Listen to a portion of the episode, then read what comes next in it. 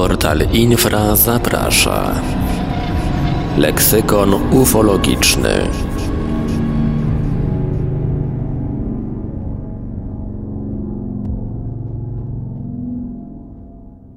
Witam gorąco w zupełnie nowej audycji serwisu Infra pod tytułem Leksykon ufologiczny. Mówi Michał Kuśnierz. W programie będę opowiadać o szczególnie istotnych hasłach związanych z ufologią. Postaram się przybliżyć ciekawe przypadki z Polski i ze świata, interesujące i ważne osoby związane z badaniem zjawiska niezidentyfikowanych obiektów latających oraz kluczowe pojęcia dotyczące tego fenomenu.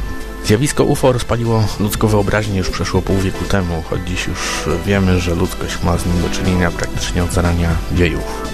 Mimo to nadal nikt nie jest w stanie odpowiedzieć na pytanie, czym właściwie jest.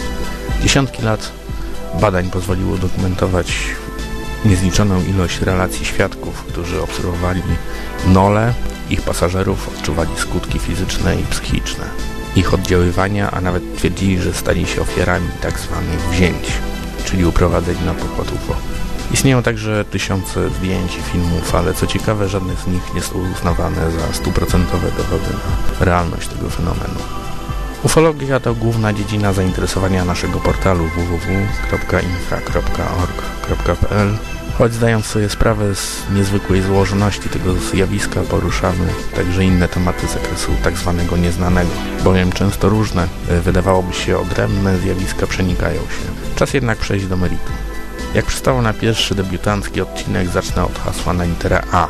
A będzie to A jak Archus. Pewnie to słowo mówi niewiele osobom na co dzień zajmującym się zjawiskiem UFO, ale jednak Archus to drugie co do wielkości miasto w Danii. To właśnie tam mieszka pewna Polka, pani K., która w 2011 roku zgłosiła się do nas, do serwisu Infra, z niezwykle ciekawą obserwacją. Jej opowieść wybrałem nieprzypadkowo, bowiem jej relacja zawiera kilka bardzo interesujących i istotnych elementów. Co więc widziała pani K? Incydent miał miejsce prawdopodobnie w listopadzie 2008 roku. Kobieta wyszła przed swój dom na pobliski parking, aby zapalić papierosa. Ulice były opustoszałe. Panowało wówczas częściowe zachmurzenie. W pewnym momencie kątem oka dostrzegła ruch i skierowała wzrok ku niebu, dostrzegając przetaczający się przez niebo ogromny obiekt. Według niej był to trudny do opisania pojazd w kształcie bumerangu, który powoli sunął po niebie ze wschodu na zachód, nie wydając przy tym żadnych dźwięków. Największy podziw budziły potężne rozmiary obiektu. Obserwacja trwała od 3 do 7 minut, po czym owe UFO zniknęło z jej pola widzenia.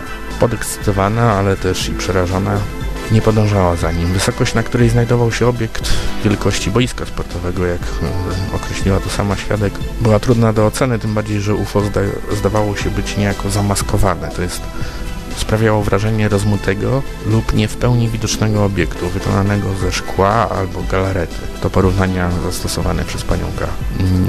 Aczkolwiek wyraźnie odróżniał się na tle nieba. Posłuchajmy przez moment krótkiego fragmentu relacji tej pani. Całość dostępna jest na stronie serwisu Infra. Konsystencja, bo to trudno określić jako... To było na pewno ciało stałe, niemniej konsystencja tego ciała stałego przypominała jakby szkło, galaretę, coś, co się ruszało, było oświetlone, z tym, że nie punktowo. To jest trudno opisać. To trzeba by było samemu zobaczyć. Jak Państwo widzicie, relacja z Archus zawiera kilka bardzo ciekawych elementów, które można także znaleźć w opowieściach innych świadków. Przede wszystkim należy podkreślić podobieństwo obserwacji panika z przypadkiem Sandomierza, również z roku 2008. W istocie to właśnie opis incydentu sandomierskiego na stronie serwisu Infra skłonił panią K do odezwania się do nas. O obserwacji Sandomierza opowiem innym razem. Teraz sygnalizuję jedynie, że otrzymaliśmy ją od pewnego architekta, który wychodząc z domu swych rodziców przy ulicy 15 sierpnia zauważył kątem oka dziwny obiekt w kształcie bumerangu o popielatych konturach, między którymi zawierały się czerwone punktowe światełka. Wróćmy jednak do Archus. Te istotne elementy, o których wspomniałem to kształt, bumerang, wielkość, bezgłośność, wrażenie zamaskowania obiektu. Rzecz jasna nie byliśmy w stanie udzielić panika odpowiedzi na pytanie, co widziała. Można jedynie snuć spekulacje. Wśród kandydatów mogących odpowiadać za obserwacje, rozwiązaniem wydawać się może super tajny samolot na układzie latającego skrzydła wykorzystujący zaawansowaną technologię stealth. Większość samolotów nią wyposażonych miała właśnie kształt trójkąta bumerangu. Wysoce nietypowymi elementami w tej historii były jednak rozmiary obiektu i możliwość niezwykle powolnego dryfowania w powietrzu. Największą zagadką pozostaje jednak to, czy został zauważony przez innych mieszkańców i dlaczego nie zareagowały na jego obecność siły powietrzne. Warto jednak odnotować, że zarówno w przypadku Sandomierza, jak i Archus domniemany kamuflaż nie był stuprocentowo skuteczny, przez co obiekt nadal był doskonale widoczny. Podobieństwo historii z Danii do wydarzeń z Sandomierza nie tylko ze względu na zbieżność cech obserwowanego UFO, ale także bliskość w wymiarze czasowym pozwalają na postawienie hipotezy o bliżej nieokreślonym możliwym związku między tymi dwoma incydentami. Od tego czasu nie napłynęła żadna równie egzotyczna relacja w języku polskim, choć pojawiło się sporo raportów np. o obserwacjach trójkątnych obiektów UFO. Już z samej tej krótkiej opowieści o obserwacji Warchus można wywnioskować, z jak bardzo złożonym fenomenem mamy do czynienia. W tym, czym się zajmujemy, zawsze stajemy przed trudnym dylematem. Co powiedzieć osobom, które zwracają się do nas z nadzieją otrzymania odpowiedzi na pytanie, czego u licha byli świadkami. Jeśli ktoś z Państwa widział coś niezwykłego, proszę nie krępować się i pisać na adres infra.małpa.epoczta.pl Zapewniamy pełną anonimowość na prośbę świadka. Bardzo dziękuję za wysłuchanie tego pierwszego odcinka i zapraszam na kolejny. W następnym wydaniu zajmiemy się szufladką oznaczoną literką B. B jak bliskie spotkania z UFO. Do usłyszenia.